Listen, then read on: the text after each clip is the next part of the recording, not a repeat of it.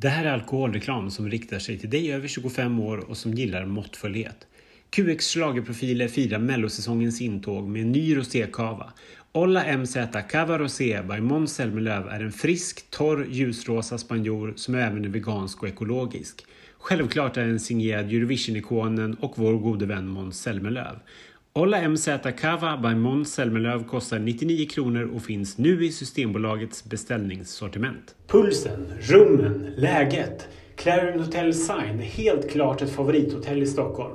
Hit kan man åka på en weekend med kärleken eller boka en konferens för företaget, unna sig en dag på spa, ta en drink i baren eller varför inte njuta av en härlig middag.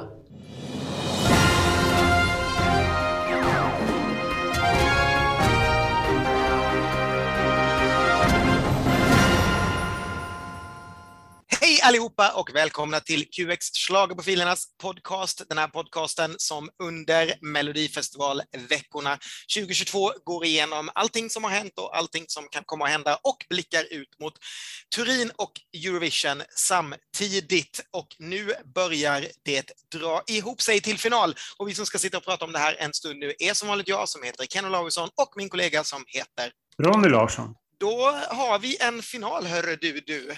Ja, det har vi verkligen. Och det är ju en eh, rätt bra final, tycker jag. Eh, mm. För er som såg Schlagerstudion i lördags kväll så var ju Schlagerprofilerna lite oense om det här. Eller vi, jag, jag, tyckte att det var snäppet, snäppet sämre än de senaste åren och du tyckte att det var bra. Ja, precis. Mm, mm. Har du ändrat dig eller står du fast vid det eller tycker du att det är ännu bättre nu?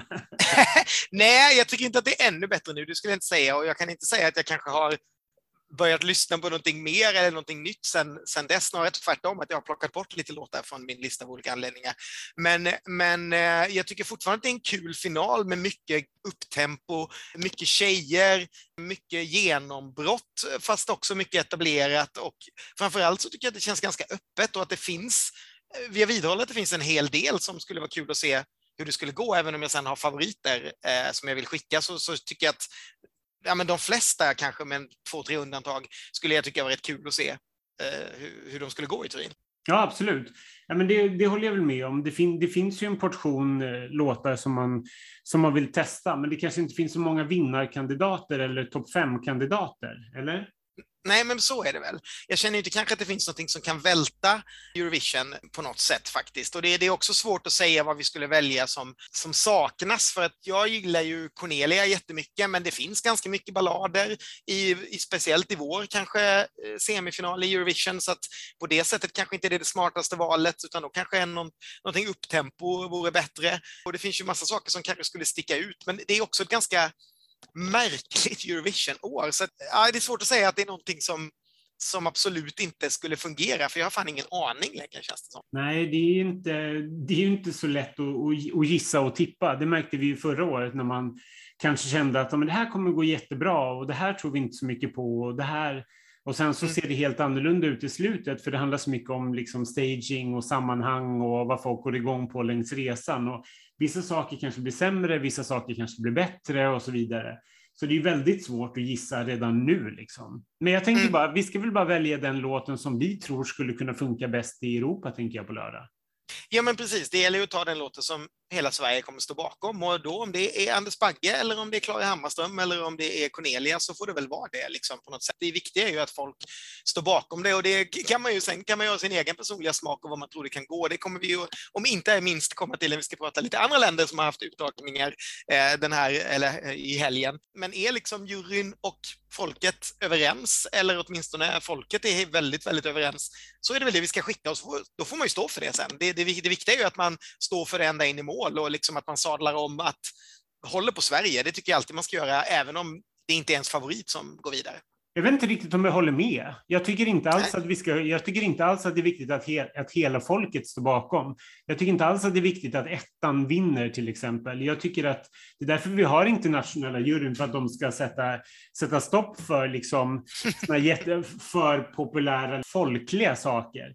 Så jag tycker nog att jag är, jag är helt fin med att tvåan eller trean vinner.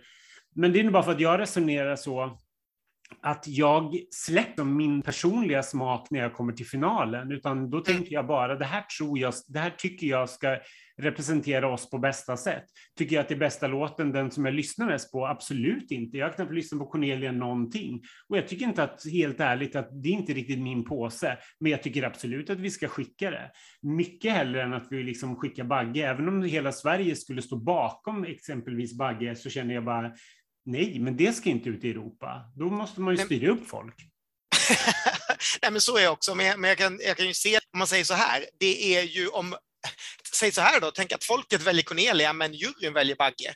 Då skulle du ju tänka på något, alltså det, det är lite svårt det här att, att säga, förstår du vad jag menar? Att det, man vill ju ändå att det ska finnas, att det är en låt som folk står Jag tycker det är tråkigare när det är så här, trean hos båda som vinner. Förstår du vad jag menar? Ja, man vill ändå att det ska vara kanske juryettan eller folkets etta. Helst vill man att de ska vara överens och om de är överens och jag inte är det, fine liksom. Då får det vara så. Jag menar, det Mamas, det tog ju en stund att svälja ner, men sen var man ju på det tåget också, även om man aldrig fick åka på det tåget.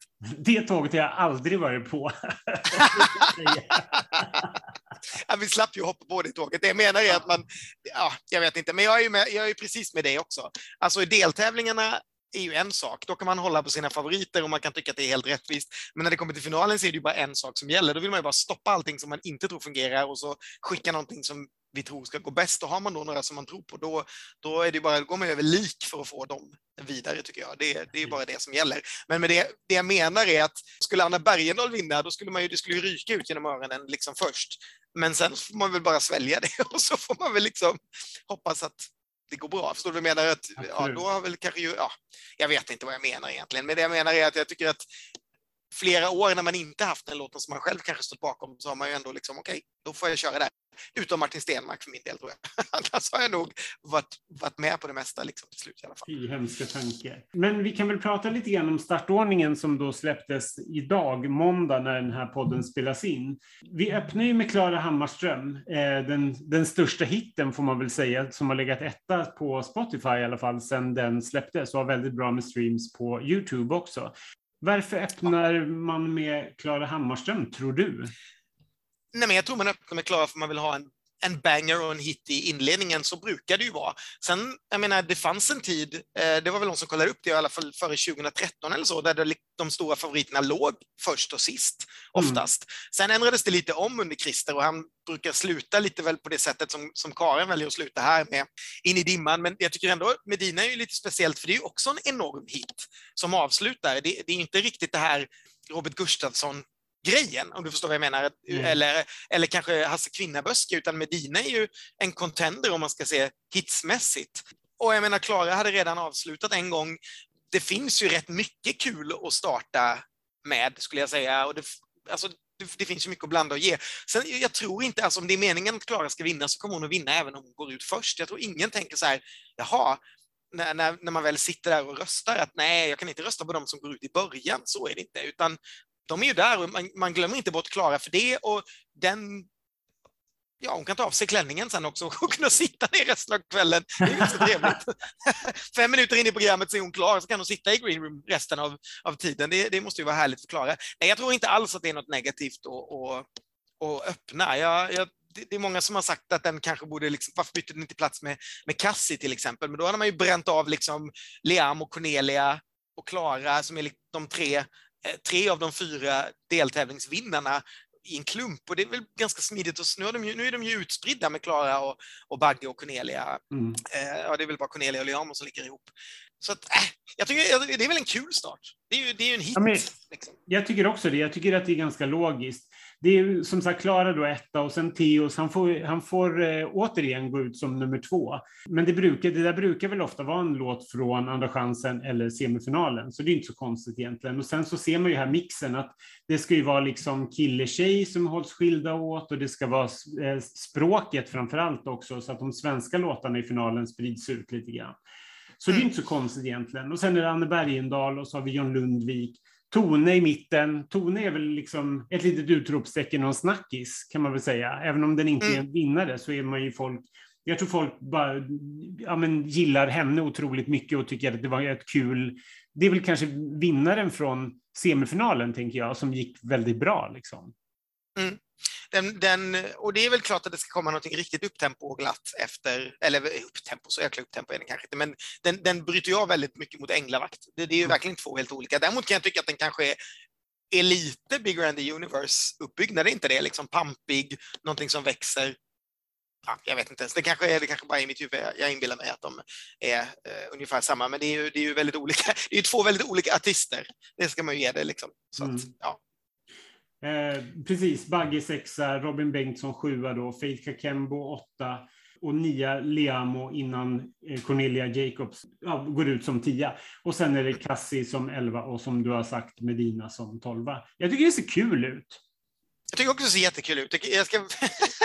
det kanske finns ett tillfälle för lunch vid något tillfälle kan jag säga, men, men, eh, men eh, alltså, slutet är ju jättehärligt när man brukar säcka ihop lite där i Friends framåt eh, reptimmarna mellan 8 och 9 eller någonting där på slutet. Det känns ju jättehärligt att sitta och få Liam och Cornelia, Cassie och Medina. Gud, vilken trevlig fyrkant på slutet. Och vilken kul ja. liksom, avslutning på tävlingen.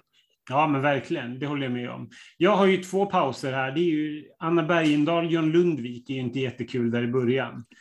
Eh, och sen är det Tone, stort event för mig, jättekul. Och sen är det Bagge, det vill man ju se ändå med tanke på att han är favorittippad och så. Och se om han, om han känns lite stadigare nu.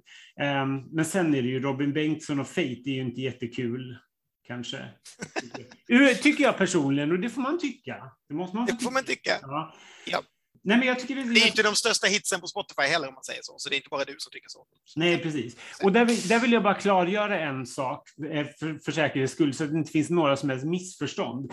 Att hur jag än uttryckt mig i olika schlagerstudios och så, så tycker jag aldrig illa om artisterna. Det måste, det måste alla förstå. Spe, speciellt liksom Anna Bergendahl, vars låtar jag älskat i de senaste åren. Men jag tycker att det här är tråkigt. Och så här, det är stor skillnad på mig om man, om man tycker om låten, och då lämnar jag det skeppet. Tyvärr så är det, jag kan inte hålla fast vid någonting bara för att det är liksom en artist, känner jag. Nej. Och jag har verkligen ingenting emot Faith Kakembo, det vill jag också säga, för att jag kanske har varit lite hård längs, nej, ja. längs, längs, liksom, så här, längs turnén, för att jag tycker verkligen så genuint illa om den låten. Eh, och jag kan inte riktigt, men det är bara för att den, den ska inte vara där, tycker jag.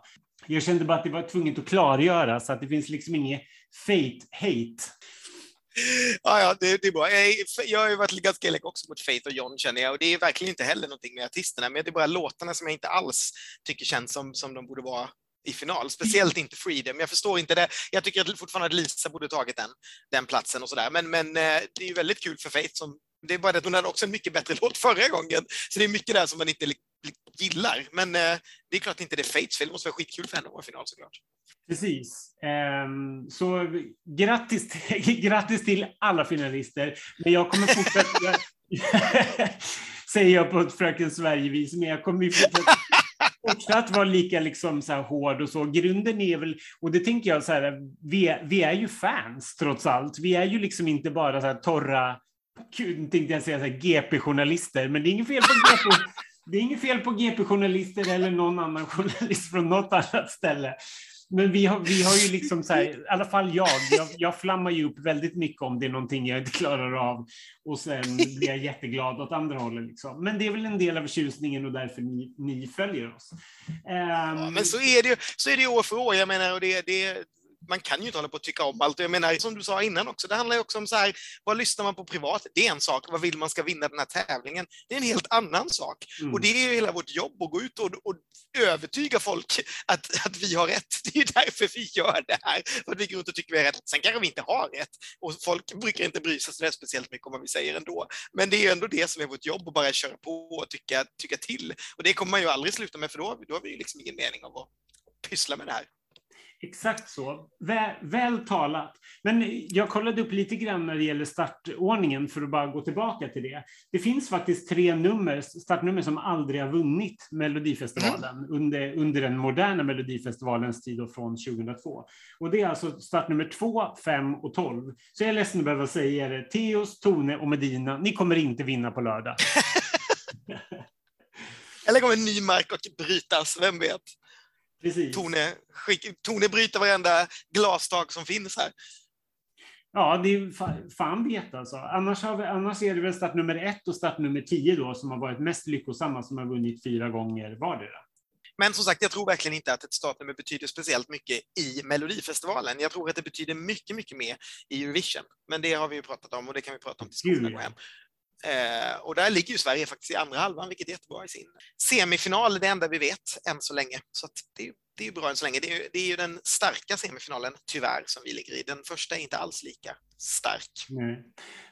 Um, ska vi nöja oss med startnummerdiskussionen? Det kanske vi ska. Jag tror mm. inte jag har så mycket mer att säga om den. Nej, jag tänkte bara hoppa tillbaka till, till lördagen. Finns det någonting mer att säga om de här fyra finalisterna? Ble, blev det som du hade trott och blev det som du hade tänkt sig? Um, för jag blev lite överraskad, i alla fall i tvåan. det är aldrig, aldrig skönt när man blir överraskad i tvåan.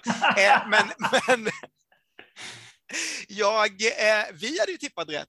Eh, jag, jag, hade dock inte, jag hade nog fulgissat själv. Jag hade, jag hade helt tippat rätt i min app eh, och vi hade tippat rätt på QX i första, för vi tänkte att Anna var det starka kortet och sen hoppades vi på Tone, även om vi eh, gillar Alvor. Och sen i eh, den andra så hade vi ju faktiskt satt hits. Vi hade sagt Teos och vi hade satt Cassie och hoppats att det skulle bli så, men jag tryckte ju ändå in Lisa där eh, för att jag tänkte att det var starkt. Men förmodligen så var det någonting där och då, eh, någonting mm. speciellt i den deltävlingen, att Bagge sög upp de flesta rösterna tror jag där på något sätt och att eh, eh ja, jag vet inte, att det, det, nu kommer jag inte ihåg, fanns det någonting riktigt ungt uttryck i den deltävlingen? Eh, jag kommer bara ihåg Faith och Lans och Nej, eh. det var, väl, det var väl lite äldre där, får man väl säga. Linda Bengtzing var ju där också. Och ja. eh, så, så, var väl rockbandet där också, var de inte det? Eh, de, ja, rockarna i kjolarna, det var väl det unga? Ja, och eh, var där också då, va? Just ja, just det. Ja. Det är ju väldigt, det är, det är väldigt intressant det här att, att både Cassie och Tone slog ut låtar som kom före dem i, i deras deltävlingar. Mm. Eftersom det var de två som tävlade mot, ja men låtar de har tävlat mot innan och båda de bytte plats. Eh, så att jag vet inte om det här handlar om att människor ändrar sig, att de har blivit bättre eller om det helt enkelt är vårt röstningssystem som är lite märkligt. Så att det liksom flyger upp och ner. Jag vet mm. inte. Ja, men så, kan, så kan det vara. Jag tycker det blev kul, det blev kul i alla fall. Jag, det är alltid roligt att bli överraskad av, no, av någon liksom så här underdog oddsmässigt eller underdog tipsmässigt. Theos hade ju lägst eller högst odds av de fyra i hans grupp att ta sig vidare. Så det var ju härligt. Och det var lite kul. Jag satte en liten hundralapp på det i alla fall. Det... Ja, just det. Ah, trevligt. Det kan bli en extra flaska Måns till helgen. Japp, det kommer det Japp. garanterat bli. Det, vi har många flaskor att dricka upp i helgen. ja, och det är ju också kul med, med hitsen, att de är i final. Det är klart att hitsen ska vara i final och det är de ju nu. Ja. Det, är, det är ju väldigt få hits vi har missat. Alltså det är ju Tror du att jag bryr mig väl egentligen, mm. som har legat ganska högt, som inte har varit i final. Mm. Ehm, och Alvaro då också har väl legat åtminstone topp 20. Ja, precis. Och apropå det så ja. tänkte jag bara eh, ta en, köra en liten, liten tillbakablick. Eh, för jag kollade in på Spotify eh, hur det har sett ut med tanke på att Klara har ju toppat ända sedan den, ända sedan den släpptes. Och det, mm. det gjorde ju John också 2019 då. Han var ju liksom etta från att den släpptes en bra bit efter finalen också. Sen har det sett lite olika ut. Jag gick tillbaka till till exempel 2017. 2016 kunde man inte se, men jag har för mig att Frans var väldigt så stark liksom på Spotify. Ja. Ehm, men hon var på tillbaka till 2017 då, då var Victoria högst, men den liksom nådde aldrig så högt förrän när liksom slutet av tävlingsveckan. Den låg och puttrade en bit ner, så 2017 var inte ett starkt listår för, för mellolåtarna. Liksom. Mm. Um, och sen 2018, då var ju Shuffla jättestor och toppade uh, Spotify. Och sen mot slutet så seglade Felix Sandman upp um, och Benjamin blev etta först när han hade vunnit. Annars låg han liksom runt nummer sex, lite grann mm. som Cornelia har gjort. Och sen 2020, då var det ju Vem är som oss som var den stora hitten. Det var lite grann som 2017, att det var ingenting riktigt som, som toppade där förrän The Mamas gick upp i topp. Och sen förra året så var det, gick ju Erik in, eller lite högre än Tusse i alla fall, men Tusse visade sig vara starkast i längden. Så han låg liksom runt plats tre, kan man väl säga, eh, innan han eh, seglade upp efter segern och blev etta. Så det betyder egentligen inte så himla mycket, utan egentligen skulle man kunna säga att de flesta som ligger på topp 10 skulle kunna vinna. Det har egentligen inte större betydelse mer än att de såklart för sin egen del är ju häftigt att vara en, en stor hit och ligga etta eh, såklart. Och det är lite kul att det är en liten kamp där mellan Klara och Anders som har Bagge har liksom klättrat upp närmare och närmare och Cornelia är också efter närmare och närmare. Men, men Klara har ändå legat stabilt där nu i snart två veckor. Ju. Ja, precis. Ja, men som 2020 till exempel, då var det ju flera låtar som var betydligt hetare på listan än The Mamas. Till Paul Ray till exempel, Hanna Färm eh, och mm. Dotter såklart, då, och eh, nämnda Anis Don Demina. Så att det behöver inte betyda någonting alls egentligen att man har eh, legat etta eller, eller tvåa för den delen. Liksom. Nej. Det som kanske betyder något är om man inte syns till alls, för det kände jag väl kanske lite var fallet med Lisa, att det var väl en indikation till varför den inte gick vidare överhuvudtaget. Den har ju knappt synts liksom, på listorna. Um, och det är väl kanske lite samma sak med Faith just nu. Mm. Det är väl den som syns till minst av finalisterna på Spotify. Ja, absolut. Och, där kan man väl känna också, så här, men varför är den i final? Mm. Det är alltid några, på något sätt så vill jag ju att det ska vara så här 2016 all over, liksom, att de eh, som är, ligger på typ topp 15 på Spotify, det ska vara mellolåtarna. Liksom. Det är mm. trist när det är en så här eftersläntrare som hamnar så långt ner och det är all, väldigt sällan andra chansen eller semifinalslåtar, utan de är ju färska i minnet och hits. För de har ju fått puttra i alla fall liksom, och, och, skapat sig ett eget liv. Utan det är de här onödiga låtarna som på något sätt bara seglar vidare och sen inte blir någonting mer av det. Liksom. Mm. Lite av en slump på något sätt, vilket det kändes lite som att det var det som hände med, med Faith. Um, jag vet inte, ska vi... Det är ju ändå rätt kul att grotta i det här. Ska vi gå igenom varje låt och bara kolla ett plus och ett minus för dem? Vad vore bra om den vann och vad vore dumt om den vann? Ja. Försöka pressa ur oss något på varje. Eh, om, vi börjar om, om vi börjar med Klara då, till exempel. Plusset såklart, det är en jättestor hit. Det är också, om man kollar med, i, med Eurovision-fans ute, så är det ju den av, av två två låtar som framför allt de har gått igång på. De, de går igång ganska, på ganska mycket och tycker att vi har en ganska bra final för en gångs skull. Vi har ju varit ganska eh, bespottade ute i Europa bland de där fansen, men, men i år har de eh, efter ett ganska svagt Europa i övrigt eh, tagit oss till sina hjärtan. Eh, och då är Klara en av favoriterna, så det är härligt. Sen negativt, jag vet inte, det är ju inte jättetonsäkert alltid kanske. Eh, och det är ju alltid en, en, en, lite ont i magen när man är... Sen, sen är inte, skulle inte klara vara den första artisten som har vunnit Melodifestivalen och inte sätter alla saker eh, utan lite hjälp. Men eh, det, är väl, det är väl det första som jag kan tänka på. Ja, eh, ja, men det, ja, men det skriver jag under på. Där hoppas jag ju verkligen, om jag får lägga in en liten önskan, så hoppas jag att Klara kanske inte behöver ta liksom fyra toner där, hon, där hon ska liksom så här, waila iväg som hon gjorde i semin. För det är en av tonerna där känns det som att jag får, eller semin, deltävlingen, det, det får jag fortfarande lite ont i magen över. Jag vill inte sitta som på nålar, ska hon naila det här liksom. Mm. Så nej men det, det, hoppas jag verkligen. Och det, annars så tycker jag verkligen att det är så ett Eurovision-kompatibelt nummer. Jag tycker att det är superhärligt. Så det, det framstår nog mer och mer som min liksom så här, kanske tvåa att, att skicka av de troliga. Mm. Ja, men det skriver jag under på. Där mm. är jag också. Mm. Teos då? Nästa. Nej, men jag älskar, jag älskar Teos. Jag tycker att det är en jättehärlig låt. Jag blir alltid lika glad av den. Um, men det, det, är så svårt. Jag vet inte vad jag, vad jag ska säga om det här. Jag tycker bara att det är, så här, det är ett kul glatt utropstecken som jag är glad är i final. Liksom. Mm. Jag håller med. Det finns inte så här mycket Eurovision i år. Eh, fast det skulle ju vara typ exakt det vi alltid skickar och det, vi behöver nog inte diskutera det för att jag tror inte att den kommer att vinna. Eh, och det kanske vi inte behöver grotta oss ner i, i Annas låt heller. Eh, för om inte Kingdom Come vinner så kommer väl inte Higher Power och vinna heller. Sen kanske det, man, har, man har ju alltid lite där i magen att man skulle vilja se Anna komma tillbaka och få gå direkt och liksom hamna i en Eurovision-final. Den finns ju kvar. Eh, Absolut, absolut, men den, den chansen fanns ju med Kingdom Come, känner jag. Vilket ja. jag fortfarande är upprörd över, att det är ett sånt jävla snyggt och bra nummer. Att jag liksom inte kan komma över att vi aldrig fick skicka den där. Men samtidigt så vill jag ju kanske ännu hellre skicka dotter liksom, det mm. året. Så det, där, det där är ju jobbigt när man har någonting som man verkligen hade velat testa och se hur det gick. Liksom. Och så fick vi inte mm. testa någonting. Så det, det hade varit ännu jobbigare om, om dotter eller eh, Anna Bergendahl hade vunnit det året och vi inte fick skicka det liksom, och se det på, på scen. Men jag håller med. Sen är det väl John Lundvik och där vill jag väl inte se det på något sätt heller. Nej, men det känns väl lite som en låt som skulle stå sig speciellt bra i Eurovision och framför allt, då får man inte byta språk om det skulle gå att vinna, för det, det, det tror jag är liksom, det är USPen här, att det är på svenska. Det tror jag det, och, det, och hans röst såklart. Så om det skulle på något sätt funka i Eurovision så ska man inte använda den engelska, men det pratade vi väl om redan lite i lördags. Det, det vore jättedumt.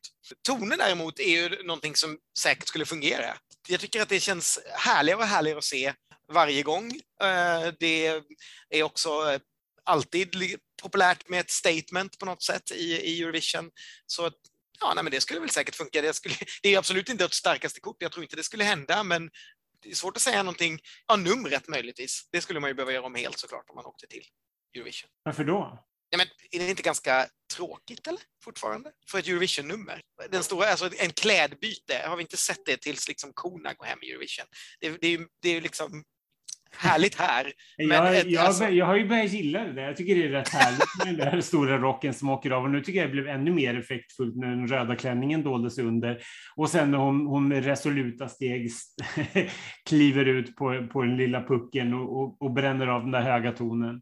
Eh, men det är klart att det finns, det finns saker att ändra på där. Men jag, jag, jag tycker det är rätt härligt ändå. Men jag håller helt med. Det skulle vara jättekul att skicka det tycker jag. Sen har vi ju då våran stora nagel i ögat. denna, denna, denna mellofinal. Det, alltså, det är ju fortfarande så att eh, Anders Bagge har en, har en, det är en... Jag tycker att det är en jättebra låt, det är det faktiskt. Men jag kan, inte jag kan inte koppla av, för jag tycker att han ser så ansträngd ut på scen. Och han har inte den utstrålningen och den pondus som jag hade hoppats att han skulle ha. Och då kan Baggefansen vråla i all oändlighet, men det spelar ingen roll. Ja, han är en jättevarm och superhärlig person som, som verkligen, när han bröt ihop i deltävlingen så bara, ja men gud, det, det, det är klart mitt, att ens hjärta ömmar för honom. Men det betyder ju inte att vi ska skicka det till Eurovision. Det är det som är grejen. Liksom. Det är ett väldigt tråkigt nummer om man ser på det utifrån. Och han sjunger bra, ja, men, men det är inte det är inte tillräckligt. Han, han har ingen gudabenådad röst. Det är, det är ett väldigt svenskt fenomen och det är alltid farligt att skicka svenska eh, fenomen. Så det är, väl, det, det, det är ju där man är också. Sen är det ju, det är en pampig låt, det kommer inte från det, men det är en låt som jag vaknat med i huvudet typ varje dag den här veckan. Men den sitter där som ett lim eh, i alla fall. Men det är ju verkligen Anna Bergendahl grejen. Man, man älskar honom, man vurmar. Det är, liksom, det är också väldigt kul att man på något sätt ser en vuxen man som ett litet barn på något sätt som man vill ta hand om. Eller så här, nu, nu kommer jag på en bra grej. I Sverige, om man har den här låten, så är ju Anders Bagge en, ett supervinnande koncept som artist att ta in. Det är mm. det som man tänker så här, gud vilken klockren kombination, Anders Bagge med den här låten. Det är mm. liksom USPen. I Eurovision är det ju tvärtom på något sätt då blir ju han det som på något sätt stoppar låten, förlåt, ja. hur härlig han än är, eftersom man inte har den eh, man måste bygga någonting annat runt det. Det har man ju sett så många gånger, att man måste bygga liksom någonting annat kring det. Ja. Nej, men så är det verkligen. Så det är ju verkligen, det är ju dubbelt. Jag vill ju absolut inte att det här ska vinna liksom.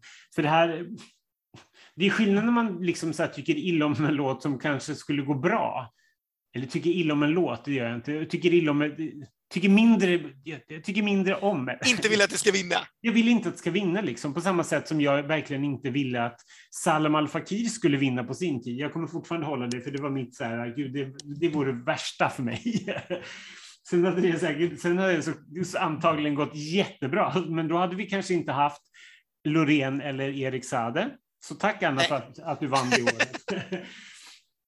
Men du vet, jag måste bara tänka efter, har det varit någon sån de senaste, ja ah, gud, det här barnet efter John Lundvik var ju också livrädd för att han skulle vinna. Ja, gud, där hade vi precis det fenomenet. Där har vi exakt samma fenomen igen. Ja. Precis det. det Anders är Bishara. Anders är Bishara. Eller Anna Bergendahl. Men till, till Bishara hade svenska folket lärt sig att men det här ska vi inte skicka. Sen som, Vi, ja. vi, får se hur det går. Vi ska inte prata så mycket om, vi ska inte fast, fastna i Anders Bagges stora ull eller horn. stora, stora ull. Då hamnar vi på Robin Bengtsson som inte är din eh, favorit.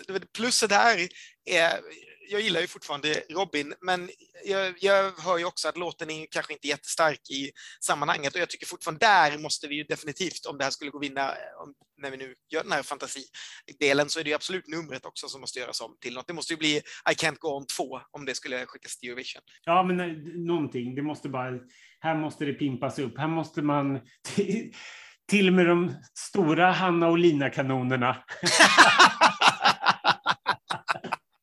De största Hanalina-kanonerna vi har sett måste in här. Ja, vidare till Faith Kakembo då. Här är ju ett nummer som verkligen är Eurovision-värdigt, måste jag ju säga. Det, det, här är ju minnesvärt. Det är ju bara att låten ja. är ju tråkigare än att se liksom, tapetklister. ja. Men, eh, här, finns ju inte så, här finns ju inte så mycket man vill ändra, utan det här skulle ju vara eh, rimligt liksom att visa upp i Eurovision. Absolut. Faith är bra, numret är bra. Det är bara att vi tycker att låten är skittrist. Mm. Hade hon fått det här numret till Crying Rivers, så hej och eh, säger jag. Mm. Och så lämnar vi det vid det. Och så hoppar vi till Bluffin, som jag fortfarande tycker är en jättebra låt. Mm, jag älskar Liamo, men det känns väl jag vet inte. Det, det, här är ju också, det finns ingenting sånt här i Eurovision och även om alla skulle börja hojta om att vi alltid skickar samma saker och man kanske skulle behöva göra något roligare med numret, så tror jag inte att låten skulle gå speciellt dåligt där, för det finns inte så mycket sånt. Eh, och det här tror jag alltid fungerar ganska bra. Mm. Och det är ganska modernt, så jag vill inte räkna bort det alls. Det, det finns, det, det, här är absolut värdigt med, med lite tweaks. Um, det är bara jag känner att det kommer inte hända, så jag tänker inte... Vi, nej, jag inte. Varför, varför, varför står det bara liksom fjärdeplats skrivet över den här låten? Jag vet inte. Vet inte. Det är verkligen så. Ja. Men det är, väl för att, det är väl för att man tänker, alltså, så här, ska vi, om vi ska grotta ner det, även om vi går igenom alla här nu och vi ska inte glömma de tre som kommer på slutet, så är det ju ofta så att har man vunnit sin deltävling så vinner man Melodifestivalen. Det är, nu har jag inte koll på hur, hur, många gånger det här har hänt, men det är ju ofta så de senaste åren. Ja, visst, jag vet Robin Stjernberg är ett undantag, men Annars så är det ju den som har fått flest röster i någon av de här deltävlingarna som går och vinner på slutet. Och då är ju Liamo en av dem och på något sätt så tänker man att han ändå är det svagaste kortet på Spotify, i vad man hör folk snackar om av Klara Bagge och Cornelia, så är det ju mm. bara det är de tre låtarna det snackas om. Och han får falla sig in och bli fjärdeplats, och då, bara, då är det det att det bara lyser fjärdeplats om honom på något sätt. Eh, vilket är lite synd såklart, för att han är ju en, en kandidat att skicka någon gång. Kan man Absolut. Och sen har vi Cornelia då. Det, ju, det, det, har vi ju sagt tusen gånger nu att vi vill att det ska vinna. Vad, vad är det vi tänker där? Det är en tänk... fruktansvärt bra låt måste jag säga. Jag, tyck, jag, jag, jag kommer inte över hur bra jag tycker den låten är. Den blir bara bättre och bättre. Det finns någonting i den som är, jag vet inte, jag tycker bara att det är otroligt bra.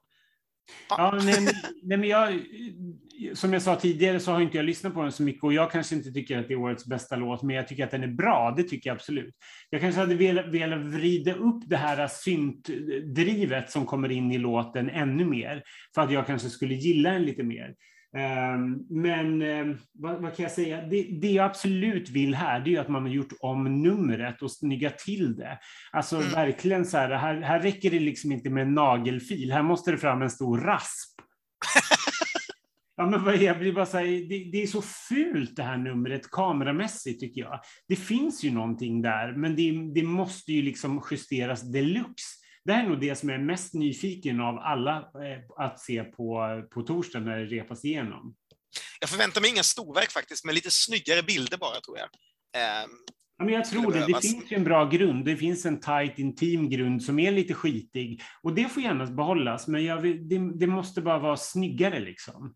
Jag vill mm. bara att det här ska kännas nu vann det ju trots allt sin, sin deltävling, så att folk gick ju igång på det i alla fall, så det spelar inte så stor roll kanske. Men bara man snyggar till det så man bara yes, där har vi det. Där har vi vår Eurovision-vinnarkandidat. Mm. Och det är ju den största favoriten om man tittar i, i Eurovision-grupper, vilket vi alltid har pratat om att man bara ska skita i vad de säger i alla fall. Men det är ändå kul att veta åtminstone att de Absolut. står bakom den. Cassie, jag menar, det här tycker jag är superhärligt, men det, så här, jag älskar den här låten. Det är en av mina absoluta favoriter. Jag tycker hon är helt fantastisk. Men det är ju en bagatell. Det är liksom inget jag känner att man ska skicka till Eurovision. Jag tycker bara att det, det är en perfekt mellofinalist som kan komma typ femma. det, är, det, det är där jag är, även om jag älskar den to bits. Så, men jag tror däremot, det är väl klart att den hade kunnat funka. Det finns inga sådana här glada poplåtar i Eurovision vad jag kan komma på på rak arm i år. Så det, det hade ju säkert fungerat. Men jag är så nöjd bara att den är där den är. På något mm. sätt. Absolut, ja, men det skriver jag under på. Det är väldigt härligt. En, en väldigt värdig finalist tycker jag. Eh, och så slutligen Medina då? Ja, apropå Medina så måste jag bara säga en sak när jag ser startordningen med de här tolv låtarna. Nu får artister, grupper och akter sluta skriva sina förbannade jävla artistnamn med versaler. Vad är det för jävla på? Ja, det är så tröttsamt. Det var jättekul när Felix Sandman gjorde, eller vem fan som var före honom i Sverige. Men nu är det liksom så här, Teos, Medina och Liamo. Helt onödigt. Nej, vi skriver stor bokstav och sen är det små bokstäver fortsättningsvis. Men är inte det en Spotify-effekt, att man tror att man syns mer liksom, i, oh, men i det, alltså, effekten, effekten tappar ju sin verkan om var och varannan gör det, för då, då ser ja. man ju bara liksom en skog av massor med bokstäver.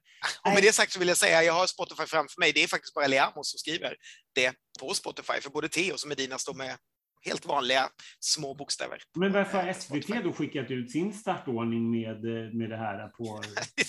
Sitter någon på SVT och tycker att det ska synas lite mer? Det kanske är den personens favorit. Ja, det är en liten så kupp från SVT då alltså? en kupp från SVT webb eller något. Som, som... Gud, vad, då, har jag syn, då har jag synat den. Eh, nej, men, men, synat deras bluffin. Precis. Eh, men Medina tycker jag är superhärligt. Det här är ju en låt som jag absolut skulle kunna tänka mig att skicka, för det skulle vara så kul att se hur det skulle funka i Eurovision. Den är ju jättehärlig tycker jag. Den har ju bra driv. Jag tycker de har karisma så att man, man kommer liksom ihåg dem. Och det är en modern låt och det är ett jävla party liksom. Mm. 100% med. Jag tycker också de är jättehärliga. Jag tycker också att de, som jag sa redan i, i deltävlingen, fångar tidsandan på något sätt med den här låten. Den här vemodiga mellofieringen av Bella Ciao. Eh, liksom samla folk till kamp att vi ska dansa tills vi dör och hela kittet. Mm. Jag tycker det känns eh, härligt. Men nu har vi dragit igenom alla dem. Plus och minus och vi enas väl då en, egentligen om att du och jag vill att Cornelia ska vinna. Kan vi säga det i alla fall? Det, det är inte, vi är inte direkt subtila i våra... det är vi inte kända för och kommer aldrig att bli, kan jag säga. Nej, nej, men det är absolut mitt val och det är ju så, så det egentligen ska vara, tycker jag. Alltså när man har tolv låtar då är ju grundgrejen, vi ska välja en låt. Det handlar inte om att sätta en, liksom, att skicka iväg fem hjärtröster på liksom sju låtar och sen fyra på en eller någonting, utan det handlar om att skicka iväg sina fem hjärtröster på den låt man tycker är bäst, tycker jag. Det är min mm. uppmaning mm. till svenska folket, för det är ju det som är grejen. Liksom. Men ja. eh, ska vi avsluta det här enorma sjoket om eh, förra veckan och eh, inför finalen med att ringa upp någon av av eh, finalisterna. Det tycker jag absolut vi gör och med tanke på den uppbyggnad som vi har gjort och, med tanke, och, och, med tanke på att den här personen ännu inte har gästat podden på ett eller annat sätt så tycker jag att det är hög tid att vi helt enkelt ringer upp Cornelia. Hej! Hej! Hur känns det inför lördag? Det känns skitbra. Eh, ja, askul. Jag är glad att det, att det sätter igång nu, för det, det, var ganska, de här fem veckorna blev ganska långa på något sätt. Att sitta och så där, ja, då kör vi snart, eller nej, okej, vi kör några veckor till och sen så. Vad har du gjort sen, sen deltävlingen? Ja, alltså jag har så fruktansvärt dåligt minne, men det jag minns är vad jag gjorde förra veckan. Och då var vi i Hälsingland, jag och Isa och David, som ju har skrivit låten med mig, det vet ju du, men jag tänker om någon annan inte vet. Så vi satt och skrev mer musik okay. i Hälsingland, i typ, eh, där uppe. Vi har skrivit ganska mycket efter Hold Me Closer, så vi, vi tog en vecka och tänkte att vi skulle så här, färdigställa saker. Och eh, vi hade lite, vi hade höga ambitioner, lite för höga och jag är tidsoptimist och eh, tänkte också så här, fan vad chill, vi åker iväg och tar det lugnt i en vecka och typ skriver musik och så bara, ja, jag har inte riktigt någon koll på hur det är veckan innan finalveckan, eh, för det har inte jag gjort förut. Så det blev ganska mycket där med, med allt möjligt. Så att, Eh, och vi har, innan det så har vi fokuserat mycket på att boka gig till sommaren. Det har i och för sig inte jag gjort så mycket, men jag har faktiskt typ, eh, jag kände mycket när jag gick vidare där att eh, eh det var mycket, som, så här, mycket stress och press som släppte. Så jag har faktiskt typ tillåtit mig att njuta lite av att bara så här, jag är i final och jag kan bara sitta här på mina lördagar och titta på Mello utan att vara nervös och bara så här, fan vad trevligt det här är och poppa en öl. Det har jag faktiskt inte gjort. Jag har blivit jättedålig på att dricka alkohol senaste tiden. Jag vet inte vad det är för fel. Då har du tittat under de här veckorna. Vad tycker du har du haft någon liksom annan favorit? Ja, alltså jag har tyckt att det funnits mycket bra. Eh, just nu är nog min favorit eh, eh, Cassiopeia. Jag tycker det är skitnice. Jag gillar generellt när folk liksom är gör, en, gör sin grej, alltså när den är så tydlig. Jag, på det sättet så liksom älsk, tyckte jag att Danne Stråhed också var toppen för han bara gör sin grej. Liksom. Det, det finns inte så mycket och ja, det, det känns så genuint och liksom, eh, det gillar jag när folk vågar köra rakt hela, hela vägen liksom. Mm. Eh, och sen tycker jag jättemycket om Anna och eh, Lisa Miskovsky tycker jag var skitbra. Eh, synd att hon inte kom till finalen, jag hoppades på det men eh, ja, nu är det ju snart lördag och det är final och du tillhör ju en av favoriterna. Hade du tänkt att det skulle gå så här bra? Det låter så himla klyschigt men det, det var faktiskt så att jag eh, försökte, alltså jag fokuserade inte alls på, på tävlings... Alltså jag tänkte, min, mitt mål har hela tiden varit att för det första att jag ska typ kunna, att jag ska kunna njuta av det, av den här resan. För att jag, jag har tendenser att bli, jag har mycket så här ångestproblematik och eh, blir lätt, lätt stressad eller har senaste åren eh, varit i, så här, in och ut i utmattningsdepression och sådär. Så att jag vet att så här, lite beroende på hur, hur jag liksom funkar just då så kan jag mer eller mindre njuta av en situation och eh, jag njöt så jävla mycket under den här veckan och jag hade inte, jag hade inte en tillstymmelse till ångest. Eh, för att jag hade ett så bra team och för, för, för en gångs skull, jag har ju alltid gjort allting själv innan och liksom släppt independent och, och det är nog det som så här, är den stora skillnaden för mig när jag kom till plats på arenan. Att så här, jag har en person som har koll på mitt schema och någon som är liksom SVT-kontakt och jag har en person som, som eh, håller koll på vilka, liksom som hela tiden bollar med mig med, med alla möjliga grejer och liksom med min närmsta person och alltså jag, jag kunde bara fokusera på att vara artist och det har jag liksom inte kunnat göra innan för att jag har hela tiden behövt hålla alla trådar och eh, det var så lyxigt. Eh, ja, det kändes som att jag liksom gick omkring och att det var min födelsedag hela tiden så att jag, jag hade så jävla kul och det var mitt första mål att jag skulle, jag ville inte liksom gå igenom det här och känna efteråt att jag bara oj, jag hade jättemycket stress, ångest och inte kunde njuta av det utan jag vill kunna njuta av det och nummer två är så här, jag, mitt kall i livet är att, att spela live. Det, det är det jag lever för. Och det, det var mycket pandemin som nog fick mig också att här, slänga mig ut i den här världen. För jag har annars varit ganska sådär, jobbat på mitt hörn och tyckt att det har varit lite så tryggt och skönt. Och det här är ju liksom läskigt att bara throw yourself out there och så ska det helt plötsligt eh, kritiseras och dessutom är det en tävling. Alltså, ehm, det är ju sån himla eh, kontrast ifrån hur jag brukar jobba med musik. Liksom. Eh, så det, då var det också ganska tidigt att jag bestämde mig för att just för att inte bli helt liksom, eh, Eh, förstörd emotionellt av hela tävlingsmomentet och så att så här, riktigt sätta de målen själv först. Att jag gör det här för att jag vill kunna, jag vill kunna gigga. Jag vill ha turné. Jag vill kunna spela hur mycket som helst. Jag vill att det ska komma folk och efter delfinalen så har vi fått så mycket fina gig så att jag är, jag eh, känner att jag lever lite på någon så här dröm, ett litet drömmoln och är typ eh, fortfarande lite rädd att någon ska väcka mig och bara det där stämmer inte, det som du precis trodde hände. Men om vi, om vi ser till numret, är det någonting som kommer ändras från deltävlingen till finalen? Eh, inte mycket. Eh, vi kommer ha gjort några korrigeringar med, med den här pricken som jag har på scen. Den kommer ha lite extra finesser som eh, inte fanns innan. Och sen kommer det väl vara så, det var, vi hade ganska mycket problem med ljuset i Globen. Det kommer nog vara så att vi eh, får möjlighet till att liksom göra ännu bättre ljus tills nu på lördag. Och sen har mamma sytt på lite extra strass, eh, snö, snören eller vad säga, på min väst. Och, eh, ja, nej, men det är pretty much it. Du mm. nämnde i början där att, eh, att du är på gång med nytt material. Kommer det, är det i samma skola som den här låten? Mm, um, den är rättvis för en del av mitt sound. Eller jag tänker att man, jag har ganska många olika paletter på mitt sound på något sätt. Eh, och det kommer dels vara absolut i samma, det här lite mid, lite mellan det jag gjort innan. Så, till, tills, sound-diskussionen så har att jag under tiden jag varit, eh, släppt sett mina tidigare låtar så har jag varit under den här utmattningsdepressionen.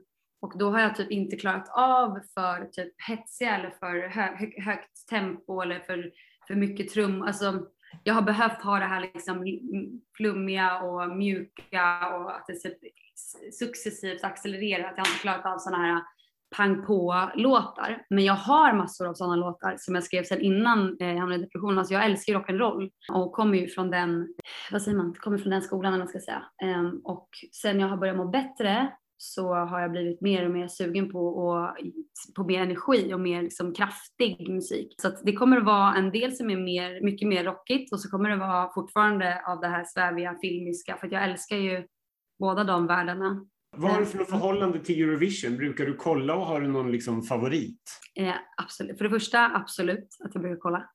Um, jag älskar Eurovision. Jag har nog haft några år efter att vi var med med, med Love Generation så har jag liksom haft lite olika känslor inför Mello och Eurovision, så lite olika år, typ beroende på hur jag har mått eller sådär. Men att så här, vissa år har jag kunnat bli lite så här, eh, nervös när jag tittar på det så att jag tyckte att det varit jobbigt typ. Så att jag kanske inte har varit lika slavisk varje år. Eh, men det var som att jag hittade tillbaka till min grund, eh, för jag har ju alltid älskat Mello när jag var, alltså, från, alltså hela min uppväxt och, och även efter, men, men just då, förutom de här åren där jag har varit lite sådär, oh, tyckt att det varit lite jobbigt, så är det som att jag kommer tillbaka till den där, ah, bara, det här är så jävla kul.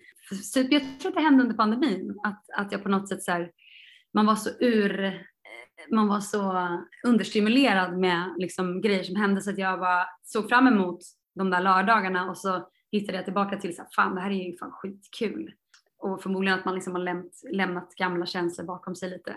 Mm. Så, att, eh, så att jag är 100% mellow-lover. Vilken av Love Generation-låtarna lyssnar du på senast? Den Salon tror jag. Mm, den tycker jag är bra. Hur känns det om du liksom tittar tillbaka på, på den tiden? Är det en annan Cornelia eller är det liksom? Eh, på jättemånga sätt ja. Men och samtidigt så har jag ju alltid varit mig själv såklart, men jag, man har varit mer eller mindre närmare sig själv känns det som. Och just de åren var jag kanske inte så nära som jag var innan och efter på något sätt. Jag ser med väldigt mycket stolthet på första året då vi också skapade hela numret själva och fick ändå vara kreativa på det sättet, även fast vi inte fick liksom vara med och skriva musiken eller sådär, så var det ändå så att eh, vi, vi skapade alla, liksom, hela numret och kläderna och, och så gjorde vi i gruppen. Det var väldigt kul och man var väldigt sådär stolt och glad över att man fick göra något så stort och det var liksom den här nya, nya eh, spänningen och allt det där. Sen tror jag att jag kände att så här, året efter så, så tror jag nog att vi egentligen inte riktigt var, ah, det var nog egentligen lite dags att, att, att lägga ner då mm. på något sätt. För vi hade inte riktigt så samma kontakt med Red One för han hade inte tid och vi fick ingen musik. Och det var, alltså, du vet, så då, då tror jag att när jag tittar på det så får jag lite mer så här, Ugh, typ, känns inte superbra i magen liksom. Sen du gick vidare direkt, eller till final så har jag hört från massor med flatkompisar att du är, en, liksom, du är den stora favoriten. Vad, vad kul! Mitt första gig med Cornelia Jacobs gjorde jag på eh, Pride-galan.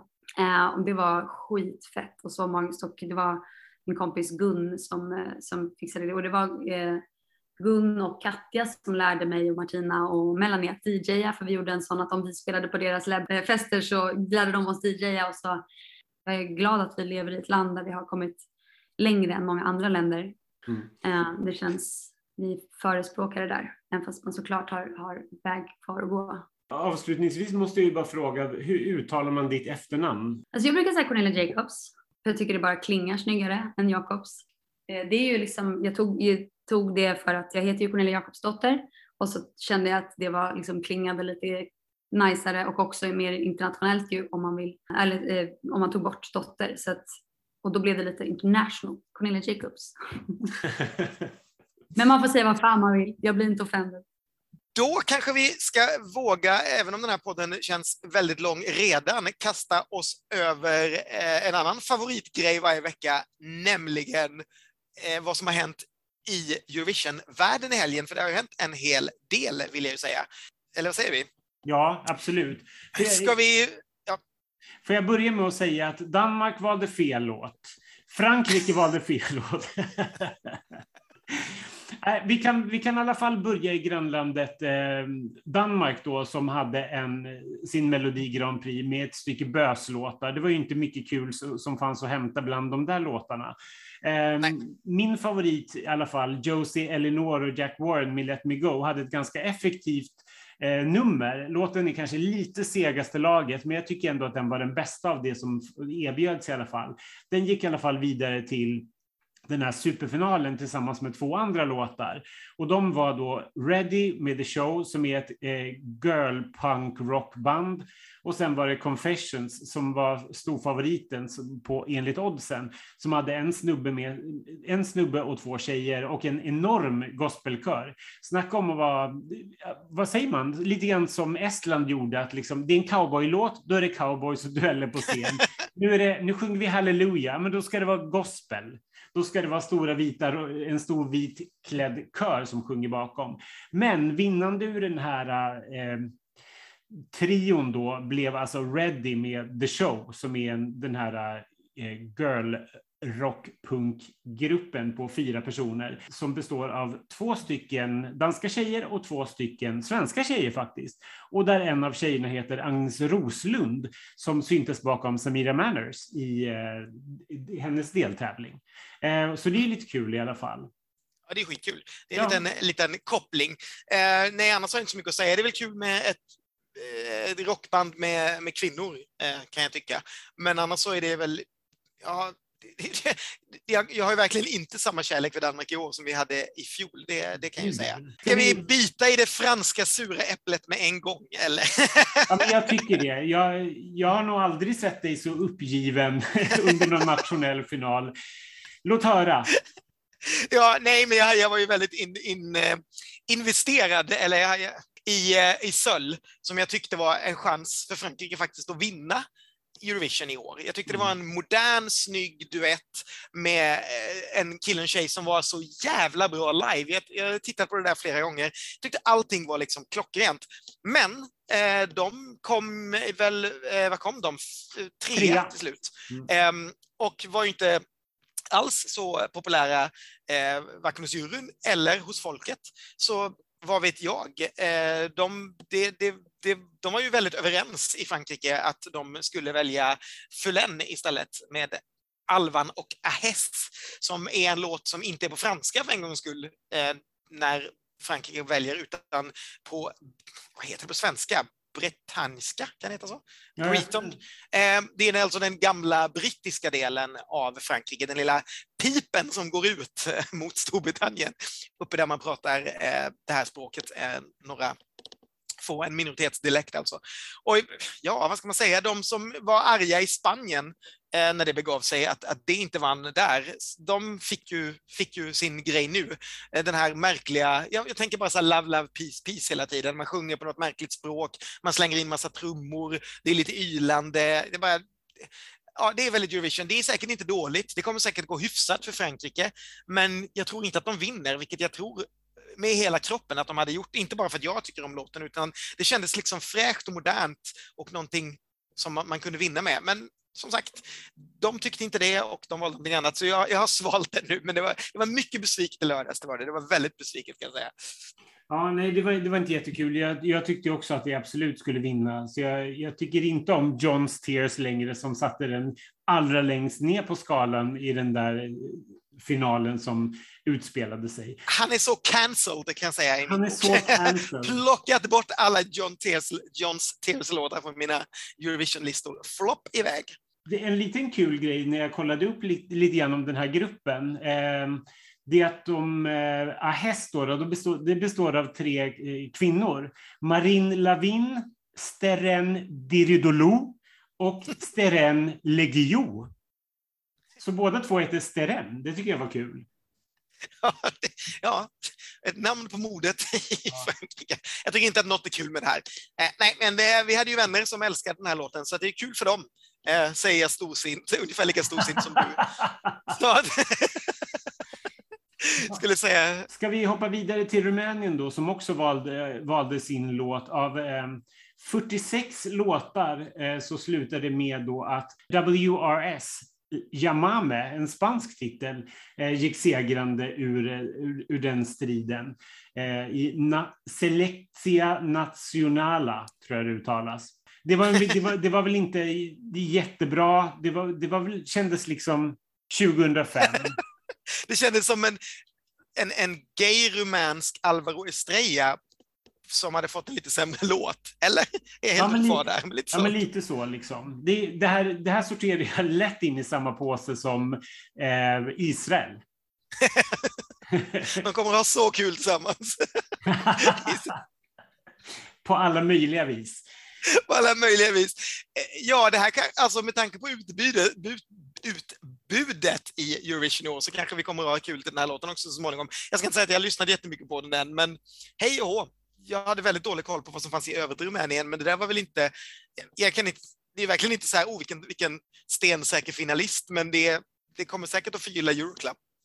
Absolut. Det, det, är vi, det är alltid ett plus i vår bok när det förgyller Euroclub på något sätt.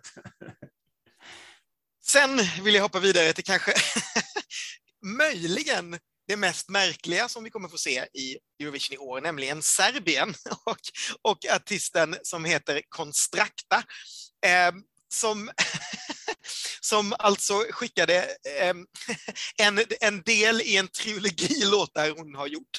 Eh, jag vet inte om alla låtarna är på latin, men den här låten är alltså på latin, det här gamla eh, språket som, som man pratade för i tiden och handlar om hemligheten bakom Meghan Markles hår. Det är, inte, det är inte jättevanligt måste jag säga, att någon skriver en låt om Meghan Markles eh, härliga hår och att man dessutom framför den på latin tvättandes händerna i tre minuter. Varför tvättar hon händerna då? Så det låten har ingenting med handtvättandet att göra? Uh, alltså, det, det, handlar om att, att hemligheten är deep hydration. Det är därför som Meghan Markle har så healthy hair. Så refrängen är liksom, she has to be healthy, be healthy, be healthy, be healthy, she has to, she has to be healthy. Mm. Och så tvättar man händerna till det. Mycket, mycket märkligt. Mycket, mycket märkligt. Ja. Nej, men så här, alltså på, på ett sätt så, så, ty, så kan väl jag hylla egen sinne, men jag, för mig blir det här bara hittepå.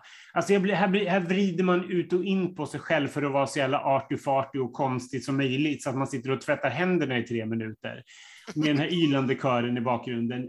Nej, säger jag. Jag, jag kanske inte, eller jag vet, jag är ju alltid för idioti före tråkighet. Så att ja. på något sätt så, så brinner mitt, mitt hjärta lite för det här. Sen ska det inte gå att vinna såklart, men det är, det är för det här som jag älskar Eurovision. Vi, alltså de här ultimata knasnumren är ju, är ju härliga om de inte blir för många att ta över.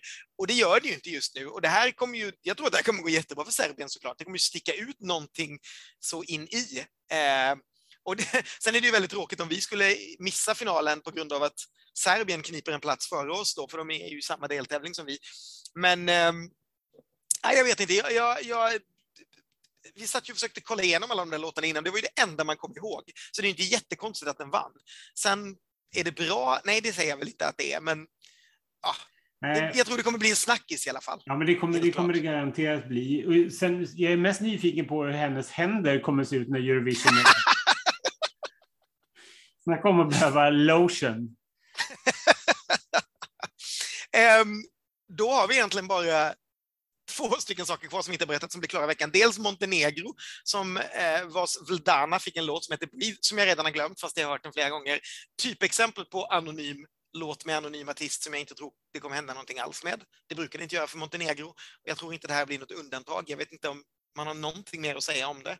Mer än att man kan få se henne live i Stockholm på fredag om man vill. Och så slutligen då eh, Tysklands Malik Harris med hans låt Rockstars, som väl ändå kanske var det bästa vi hittade i en fruktansvärt tråkig och mellanmjölkig tysk final. Ja, som, som ingen blev lycklig av att se.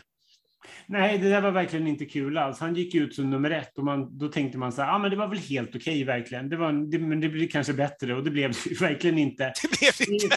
Det, är, det är ganska kul eh, för han har ju ett, eh, en, en del i den här låten som låter väldigt mycket som Eminems Stan.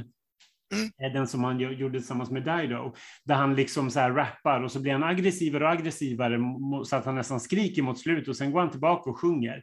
Så det är en talangfull snubbe liksom jag tycker verkligen att den här låten, den är helt okej, okay, men det är ju Tyskland och de går direkt till, eh, de är ju direkt kvalificerade så det är svårt att se att det här ska sticka ut.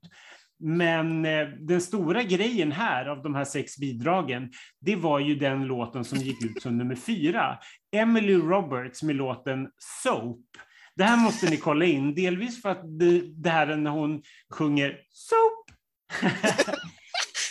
biter sig in i huvudet liksom. Men också för att hon kom av sig helt på scen. Det var länge sedan vi såg. Ja, det var länge sedan man såg någon komma av så fruktansvärt mycket på scen som hon gjorde. Och inte liksom kunna hämta hem det heller Nej. på något bra sätt, utan helt ramla in i, i i total katastrof eh, på något sätt. Eh, och jag, ja, jag har läst tusen olika anledningar till varför det där hände och så vidare. Men eh, ja, det, det, är, det är en märklig låt från början och den handlar om att hon behöver tvätta sin hjärna med soap. Eh, och det, ja, det, det blir väldigt märkligt när, man, när man ser det här klippet. Ja, titta på det. det, det googla upp den. Den är roligare än det de valde. Ja, verkligen. Ehm, och nu så här i efterhand så stör det ju ihjäl mig. Varför börjar vi inte hela Eurovision-sjoket med att prata om det här och sen knöt vi ihop det med Serbien som tvättar händerna med soap? vi behöver förbereda det här bättre. vi behöver förbereda det här bättre. Det här var ju dåligt. tycker jag i alla fall. Men eh, ja, så kan, så kan det gå ibland. Malik Harris var i alla fall eh, telefonröstarnas eh, stora favorit. Eh, däremot online-röstarna, de hade tvåan som favorit. Det är kul när man skiljer på det. Man liksom vrider, vänder ut och in på sig själv med olika jurys och allting i andra länder. Men här ska det vara liksom en online-jury en online och en telejury. också när man har så fruktansvärt dåliga låtar också, så man behöver liksom inte veta vad alla tycker, för ingen orkar liksom tycka någonting om det här. En, ja, ja. Får jag bara säga en sak som, som slog mig när jag tittade om, på Rumänien? Att där har juryn 83 procent liksom makt och, och teleröstarna har 17 procent. Så mycket litar man på de rumänska tittarna. Inte överhuvudtaget. Ja, har vi, har vi brottat oss igenom allting nu? Ja, jag, jag tror fasiken att vi har gjort det. Vi kommer ju som vanligt att eh, sitta på rep hela torsdagen från eh, mitt på dagen till sen kväll och försöka att blogga om det här och försöka reda ut ett och annat och se om saker ändrats och se om vilken drink, tv-serie sexuell, sexuell tillhörighet eller... Drink, tv-serie, maträtt och djur har vi använt i finalen i hundra år eh, nu, så det blir väl det som kommer upp. Nytt för i år är, vilken Rederiet-karaktär är den här det, jag tycker, det som ska bli intressant i år dock, det är att vi alltid brukar prata om the money shot, alltså det är den saken som man vill ha i ett Eurovision-nummer som folk kommer ihåg efteråt. Det tror jag vi kommer få hårdare svårare problem att försöka komma på än om bidraget, vilken maträtt det är. Alltså allvarligt. Det är inte så jäkla lätt att hitta money shots i år, det, det kan jag inte säga. Det är inte, det är inte som man tittar på det spanska bidraget slowmo och det finns en, en grej i mitten som jag liksom inte, som fortfarande kan vakna upp mitt i natten och bara vilja sätta på. Ja, nej, men det, det får vi hålla ögonen på. Förhoppningsvis har det hänt saker med kanske några av numren som vi inte har sett i alla fall. Det är kanske någonting som har ändrats. Det kanske någon, John kanske har hittat ett par skor. Hur många barfota har vi i finalen? John, Faith och Cornelia. Är det flera? Någon kanske väljer att kasta, kasta skorna och tror att det är ett vinnarkoncept. Det var väl det, kanske. Vad säger vi, när vi ändå har pratat så länge, ska vi inte fortsätta en halvtimme till? med att kanske ringa upp eh, ännu en person som vi faktiskt inte har pratat med under hela den här turnén i vår podd, märkligt nog. Nej, precis. Eh, vi tyckte att det var dags att eh, prata med Hen när hela startfältet var genomkört och vi var helt klara för final och vi hade 12 stycken finalbidrag. Så jag tänker att vi avslutar hela den här eh, långa specialpodden inför finalen 2022 med att ringa upp Karin Gunnarsson, eh, tävlingsproducent för Melodifestivalen. Det gör vi och det får ni lyssna på, men vi tänker säga hej då redan innan och så ses vi i olika, tre stycken olika studios den här veckan som säkert kommer att ha väldigt varierade känslolägen om jag känner de här två schlagerprofilerna.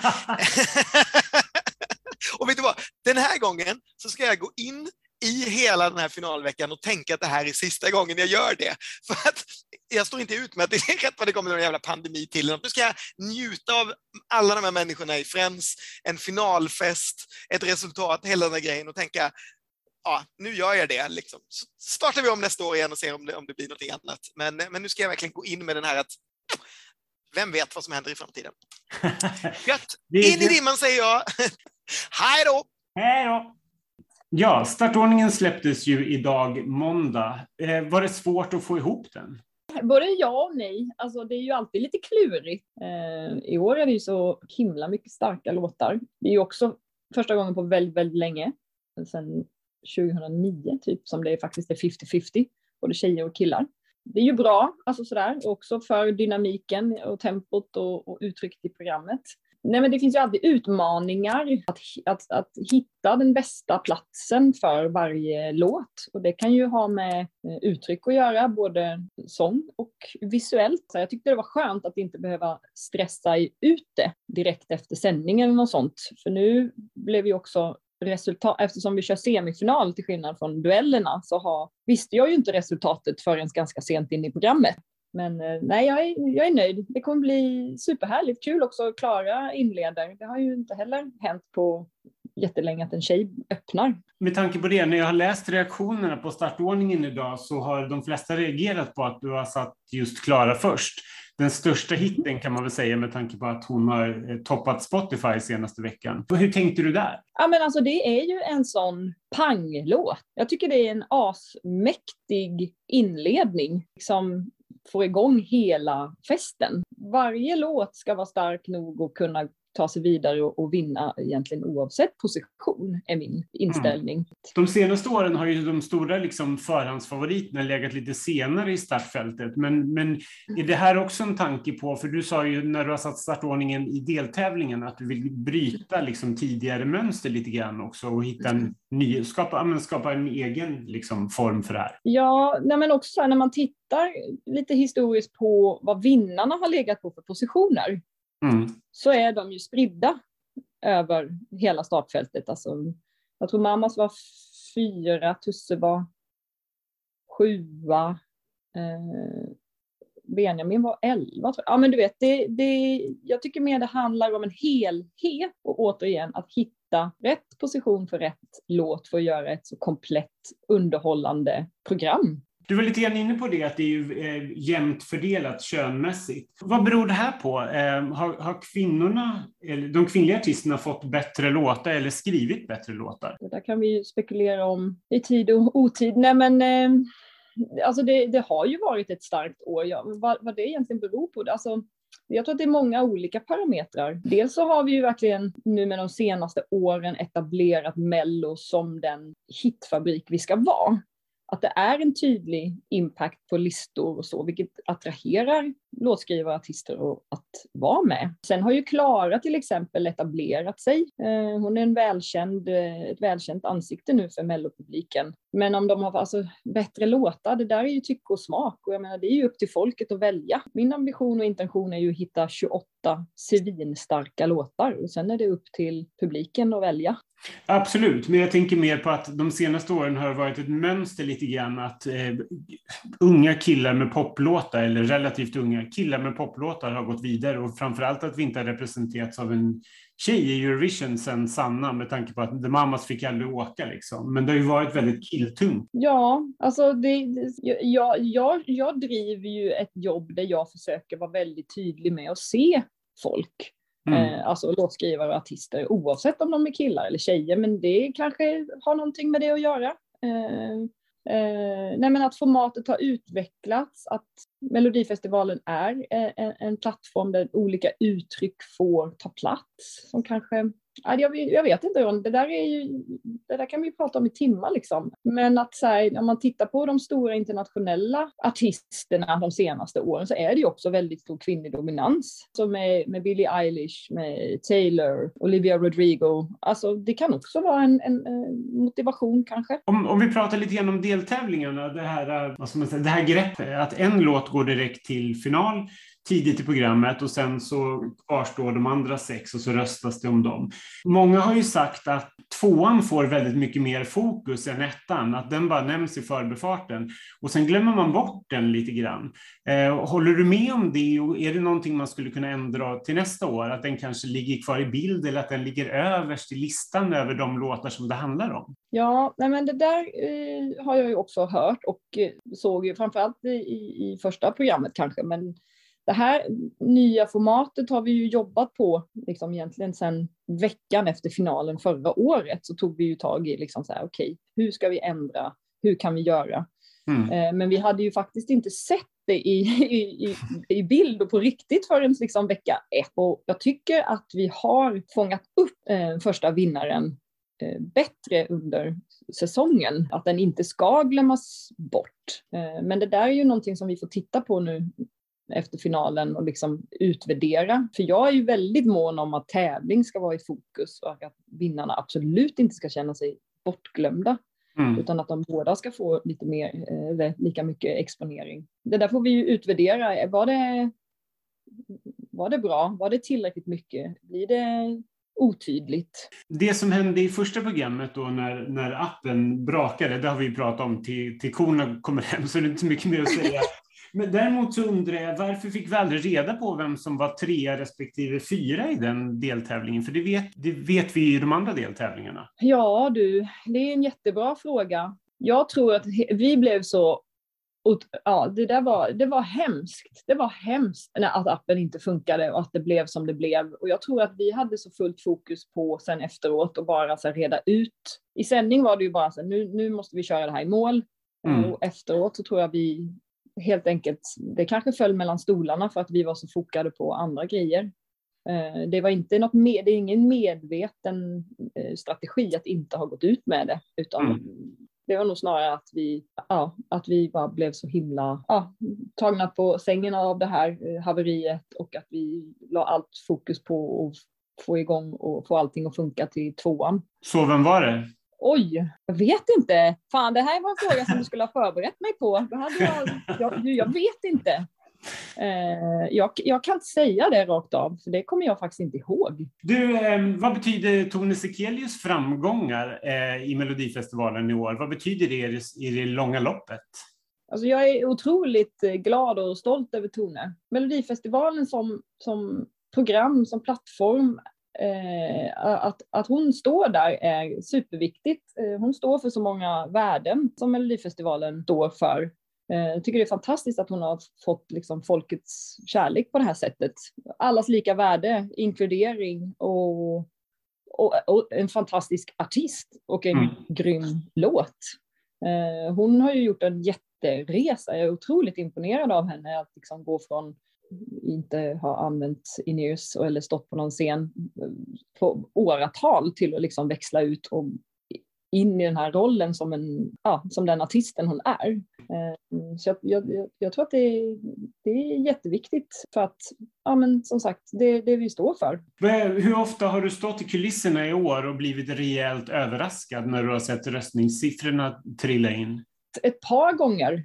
Hur funkar det? Ser du på en skärm liksom framför dig att du står och tittar och så ser man staplar? Är det typ så? Ja, men precis. Nej, men jag sitter ju i sändningsbussen mm. eh, under programmet och alla, eh, alla repetitioner förutom eh, torsdagen men, eh, och fredag dag. Då är jag ju i arenan. Men eh, fredag kväll och lördag dag och lördag kväll så sitter jag ju i bussen och eh, tar emot all Mm. Så att, nej, jag ser ju i, i realtid en liten fördröjning så hur, det, hur det går. det är svinspännande. är det siffror eller staplar? Det är siffror. Har det varit många tillfällen där det har skiftat mycket längs liksom, programmet? Att, att du har sett en tendens på någonting och sen har saker hänt och resultatet har blivit annorlunda? Ja, ja men det händer, det händer under varje sändning. Mm. Eh, nu öppnar vi ju röstningen eh, lite tidigare. Eh, röstningen drar ju igång före programmet startar. Så att mm. man, man, man har ju lite information när, man, när vi drar igång. Men absolut, sen händer det ju massa när bidraget spelas och när snabbreprisen går och sådär. Så att mm. absolut, mm. det, det är ju upp och ner och mm. förflytta sig liksom. I, eh, I lördag så nämndes det i programmet att det var väldigt jämnt och det brukar inte sägas. Jag vet inte om det stod i manus eller om Oskar fick feeling. Nej, men det, det, alltså så här, det var ju ett, ett väldigt jämnt start med många favoriter, många låtar som har gått bra på Spotify, det har börjat spelas på radio. Det var ovisst Eh, det, det, var åtta låtar som engagerar otroligt många människor. Hur mycket röster är det som kommer in innan programmet har börjat? Är det liksom en, en, en jätteliten del eller är det, är det liksom en betydande del? Nej, det är ingen, ingen betydande del. Det är ju också så här för safety liksom, eh, för röstningsrummet, att, liksom att röstningen är up and running innan, mm. för annars blir det väldigt, väldigt tajt med tid nej, det kommer in och vi kan mm. se aktivitet, men eh, det är liksom när programmet börjar som det verkligen sätter igång. Nu under, när den här podden släpps så är det ju tisdag och då har de internationella jurygrupperna släppts. Hur går arbetet med att sätta ihop dem?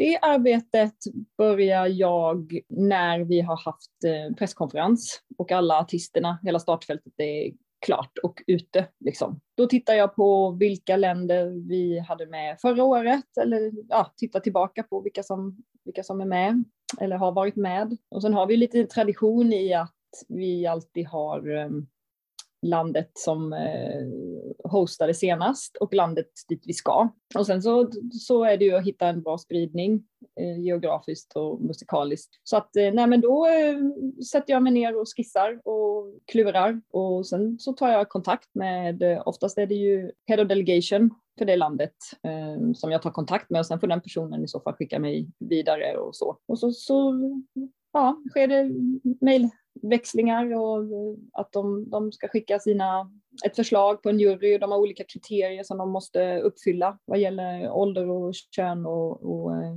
vad de jobbar med. Mm. Eh, att det finns en musikkoppling och, och så. Så det, det pågår under november och december och januari, alltså fram och tillbaka. Eh, en del kan inte, en del hinner inte, eh, så då gäller det att hitta något annat land kanske och försöka ja, nej, men se till att, all, att de kan här, leva upp till våra kriterier. Varför går man inte ut med det här tidigare för, om det är klart så mycket tidigare? Men det, alltså, länderna blir ju officiella eh, i ja, tisdag. Ja. Um, nej, men jag, jag, känner att det finns liksom ingen, ingen anledning heller för att om man kan bli påverkad om vi, om vi släpper länderna tidigt, att de blir kontaktade och eh, att någonting skulle störa juryprocessen och eh, mm. påverka resultatet. Hur många är det i varje jurygrupp? Eh, de är fem. När, när de här länderna tas fram, ser du på hur, hur de har röstat på Sverige tidigare i Eurovision? Ja, det kan jag ju kolla och, och det, det, gör jag ibland. Eller så, för det finns, ju, det finns ju statistik på det. Så eh, absolut kollar jag på det lite grann. Men som sagt, det är, en, det är ju en, en jury och de ska göra sitt, sitt jobb utan att jag lägger mig i det. Alltså annars kan vi inte ha en jury. Alltså mm. de är ju oberoende och jag menar det det är olika, länderna röstar olika varje år. Det finns inte någon linje i det, utan eh, det gäller, mitt, mitt mål är ju att hitta en, en, geografisk spridning och att det är kompetenta människor som sitter i de här jurygrupperna. Den stora tendensen är väl att Storbritannien alltid tenderar att ge ett slagebidrag eller ett lite uppseendeväckande bidrag sin tolva. Ja, men precis. Det, de har ju en, en, en, en historia av det. Har du kollat någonting på Eurovision-uttagningarna i resten av Europa eller har koll på något, vad som har hänt i de andra länderna medan vi har hållit på? Alltså jag har inte tittat, men jag har ju läst. Mm. Eh, och jag har ju sett eh, Italiens Mahmoud, jättefin låt alltså. Nej, men och sen de här, alla de här skojgrejerna som blev liksom virala. Det här, Eat pussy, Precis. eller vad det var. Eat my salad. Eat my salad. Norska, den här norska duon. Så att, nej, men jag, jag håller lite koll eh, och läser, men jag hinner inte riktigt titta och, och, och grotta ner i det. Utan det, det kommer jag göra efter efter lördag, efter mm. vi är färdiga. Liksom. Vad händer efter lördag? Vad, vad, blir din roll då? Då har vi ju möte med vinnaren. Men jag är ju, alltså som det är just nu så är jag ju inte head of delegation utan det är Lotta Furubäck. Men jag, så jag, på, med Eurovision så kan man väl säga att jag lurkar lite i kuliss. Jag hoppas att jag får åka ner eh, till Turin mm. och vara med. Men att eh, jag träffar vårt vinnande bidrag liksom, för att knyta ihop säcken liksom, och verkligen tacka och gratulera ordentligt. För jag har jobbat med personen i fråga väldigt länge. Eh, men då är det ju, vi får ju en ny eh, projektledare inför 23. Mm. Eh, så det kommer ju vara mycket jobb med honom. Eh, jag har ju redan liksom lite tankar och idéer inför 23 vad gäller liksom artistmässigt och sådär. Så det ska jag börja dra i. Sen har jag väl tänkt att jag kanske ska vara lite ledig.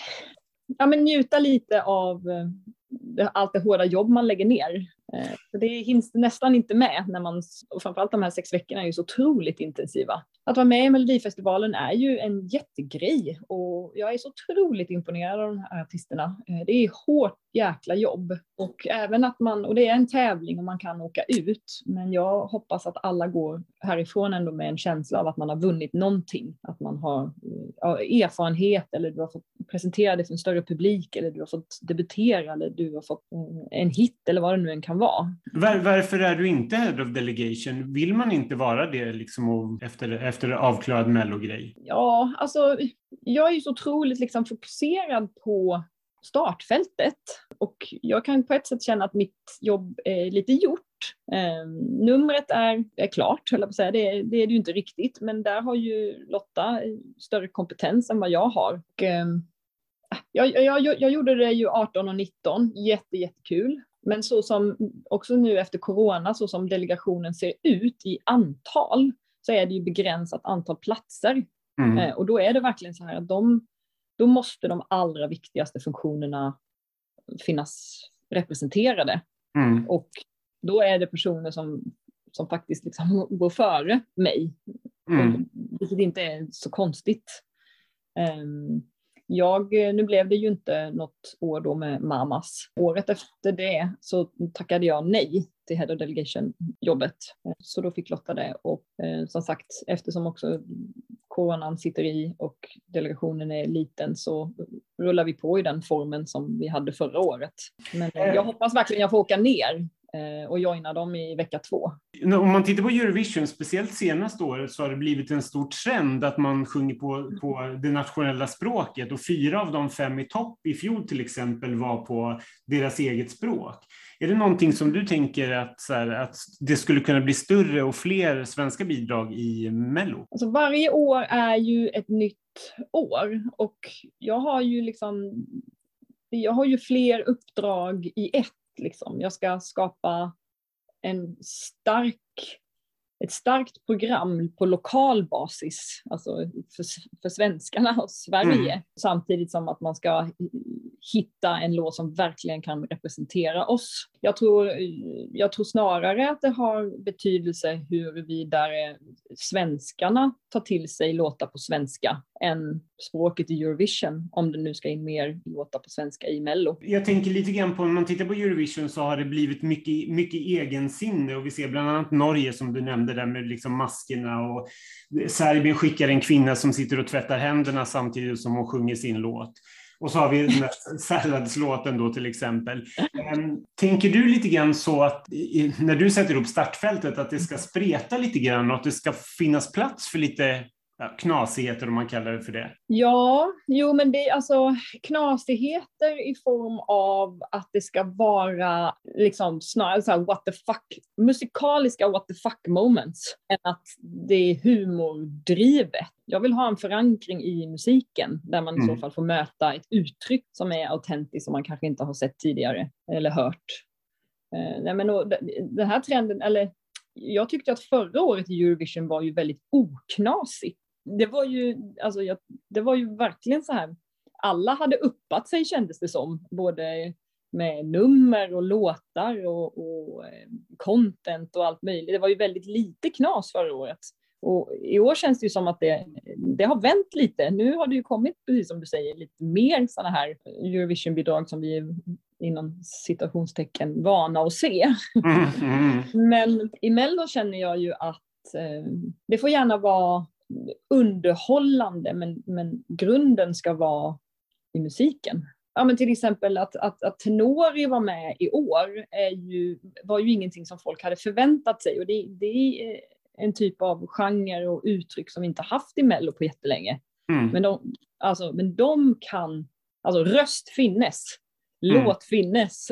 Eh, men att ändå det blev ju väldigt, det stack ju verkligen ut eh, på precis det där sättet som, som, som jag önskade att det skulle göra. Så eh, gärna liksom engagerande och, och udda, men det ska vara bra och eh, autentiskt. Det kommer alltså inte vara några fler Edvard Blom-dansande humrar under Karin Gunnarssons fortsatta styre?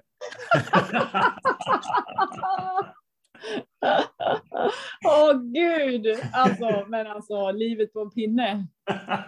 Mycket glädje har den bjudit på. Ska, man ska aldrig säga aldrig.